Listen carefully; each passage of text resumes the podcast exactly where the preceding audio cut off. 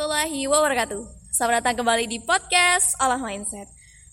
Hari ini bak udah masuk episode kelima dan hari ini aku bakal bahas bagian kedua dari Notes from Qatar.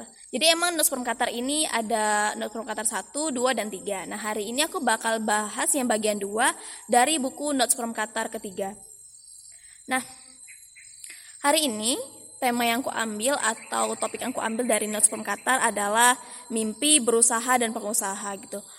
Ada apa sih sama mimpi, berusaha, dan pengusaha? Nah, hari ini aku bakal bahas.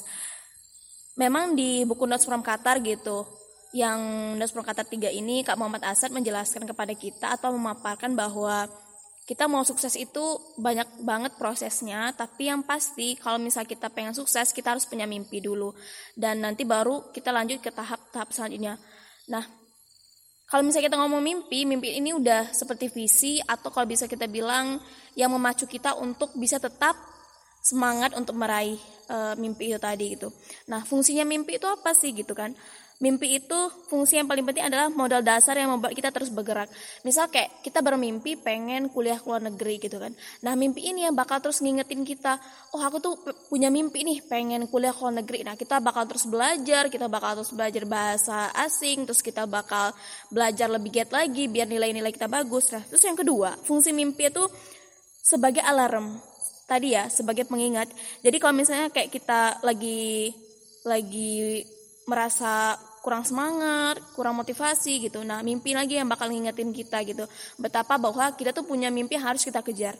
Nah, terus yang pasti adalah dari mimpi itu mimpi itu yang membuat kita lebih hidup. Karena ketika kita nggak punya mimpi, kita tuh kayak nggak punya sesuatu yang sesuatu yang membuat kita bersemangat untuk hidup ya nggak sih kayak kalau misalnya aku punya mimpi untuk kuliah ke luar negeri aku pasti punya semangat untuk terus belajar aku punya semangat untuk aktif uh, ikut organisasi atau konferensi dan sebagainya. Jadi mimpi ini sendiri yang menggerakkan aku untuk terus bergerak. Nah memang banyak banget orang-orang sukses yang bilang bahwa segala kesuksesan mereka misalnya kayak sekarang kita udah bisa memegang smartphone gitu kan terus kita juga sekarang melihat begitu banyak perkembangan-perkembangan. Ada Microsoft ada laptop juga gitu. Bahkan sekarang udah mau masuk 4, uh, 5G malah ya gitu. Semua ini berasal dari mimpi gitu. Nah se sebegitu pentingnya mimpi gitu. Tapi kalau mimpi cuma cuma mimpi doang tanpa aksi gitu atau tanpa usaha itu kan nggak mungkin. Nah kita masuk selanjutnya gitu. Setelah kita punya mimpi kita harus berusaha gitu. Berusaha ini memang sebagai manusia kita memang disuruh berusaha kan di dalam Islam juga usaha itu yang kerja keras kita dan juga usaha kita untuk meminta juga pertolongan sama Allah ya nggak sih gitu. Nah kalau misalnya kita lihat nih di contoh dalam Islam gitu, Nabi sendiri emang udah mencontohkan kepada kita tuh Nabi Muhammad SAW udah mencontohkan dari dulu banget bagaimana pentingnya gitu dari dari kita kecil kita tuh diajarkan untuk terus bekerja keras dan terus berusaha keras. Nah kayak kita lihat aja ya kehidupan Nabi gitu. Beliau di umur 7 tahun itu udah mengembalakan gitu jadi pengembala kayak gitu. Dan bahkan di umur 10 tahun udah diajarkan berdagang sama paman beliau gitu. Dan di umur 17 tahun itu udah mengambil alih uh, apa bisnis dari paman beliau sendiri gitu. Dan di umur 20 tahun udah udah berhasil menguasai bisnis di Jazirah Arab gitu. Dan Nabi sendiri itu udah mengajarkan ke kita gitu kan segala sesuatu yang beliau peroleh dalam hidupnya itu juga hasil kerja kerasnya. Kita juga lihat kan bagaimana kerja kerasnya Nabi mendakwahkan Islam gitu dari Mekah terus ke Madinah dan sampai sekarang kita rasakan di seluruh dunia gitu, merasakan eh, nilai-nilai dan kasih sayang dari Islam itu sendiri gitu. Nah, ini juga bentuk kerja keras kayak gitu. Aku suka banget salah satu quote dari buku ini. Vision with the action is only a dream Action without vision is only merely passing out of time, but vision with action can definitely change the world. Nah, jadi kalau misalnya kita punya mimpi gitu dan tanpa aksi itu cuma bakal jadi mimpi belaka alias nggak bakal pernah terwujud. Dan aksi gitu atau usaha tanpa mimpi, tanpa visi itu tadi itu kita cuma ngabisin waktu alias kita nggak tahu kita mau ke mana dan kita tujuannya apa.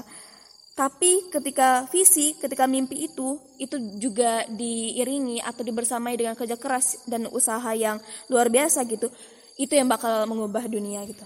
Nah, Tapi dalam Islam sendiri kita diajarkan bahwa jangan kita cuma berusaha berusaha kita menghalalkan semua segala macam cara untuk bisa mendapatkan kesuksesan tersebut gitu.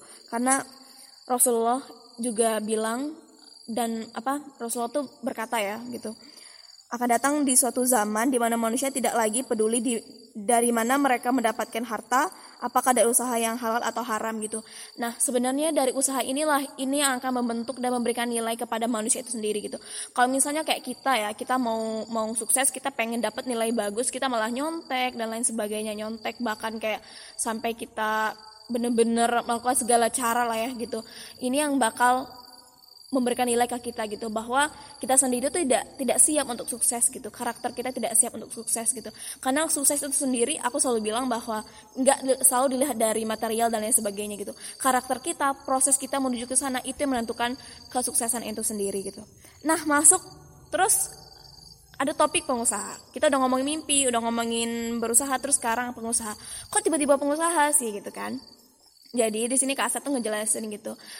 Um, banyak banget sampai sekarang ya. Indonesia tuh kan kita masih punya budaya kayak kalau misalnya ditanyain kamu nanti mau kerja apa? Aku mau jadi pengusaha mau bangun bisnis. Kita langsung kayak punya banyak yang punya stigma negatif kayak loh kalau mau bangun bisnis mah butuh banyak uang kayak gitu butuh banyak modal gitu kan. Nanti kalau misalnya kamu nggak berhasil kamu bisa bangkrut dan lain sebagainya gitu. Jadi kayak ketakutan ketakutan ini udah ditimbulkan dari awal kayak gitu.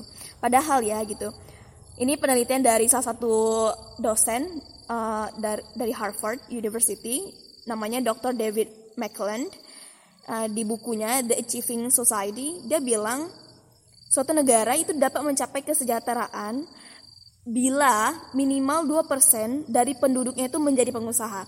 Nah, kita lihat ya, pada tahun 2013 di buku ini di Keasat tuh memaparkan data-data gitu. Jepang dan Cina itu udah 8% mencapai mencapai sampai 8%. Terus Singapura Singapura itu sampai 10%, Amerika sampai 15%. Nah, ini kan sekarang kita lihat negara-negara emang negara maju gitu kan. Nah, dari kualitas pengusahanya juga banyak gitu, kuantitas pengusahanya gitu. Nah, Indonesia sendiri gimana gitu? Di tahun 2013, Indonesia itu cuma punya uh, kalau bisa dibilang cuma satu persen yang jadi pengusaha atau sekitar 3 juta dari 250 juta gitu. Padahal ya 100 list atau daftar dari World's Billionaires atau orang terkaya di dunia versi Forbes itu 90 persen 99 aduh banget ya. 90 persen adalah business owner gitu. Nah kenapa sih? Kenapa sih harus jadi pengusaha kayak gitu kan?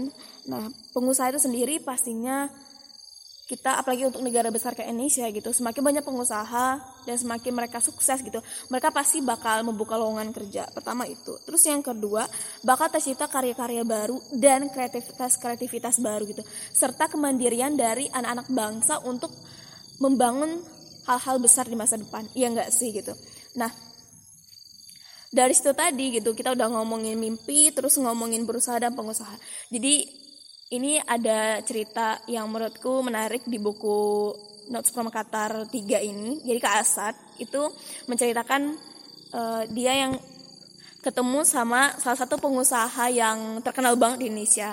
Siapa beliau? Beliau adalah Bob Sadino almarhum ya. Nah, jadi aku sendiri pas awal buat baca bukunya tuh nggak tahu kan beliau ini siapa kayak gitu. Terus pas searching searching gitu akhirnya tahu ah ternyata beliau ini emang terkenal banget di masanya gitu. Dan beliau ini pernah jadi kuli bangunan tapi berakhir menjadi milioner di Indonesia. Kok bisa gitu jadi pengusaha yang yang yang sukses besar gitu. Dan beliau ini dijulukin goblok kok bisa kayak gitu kan. Nah jadi kalau bisa dibilang gitu beliau ini adalah uh, Pak Bob Sadino ini ya. Beliau ini kalau orang sering manggilnya tuh Om gitu Om Om Bob gitu kan lucu banget. Jadi Om Bob ini emang uh, dia tuh kalau bisa dibilang satu dari jutaan orang yang seperti beliau gitu. Karena dia ma manggil dirinya goblok gitu. Karena dia punya rumus yang dia bilang rumus yang gak semua orang gitu mau melakukan itu gitu. Dan cuman orang-orang goblok yang mau ngelakuin dia sih bilangnya kayak gitu ya.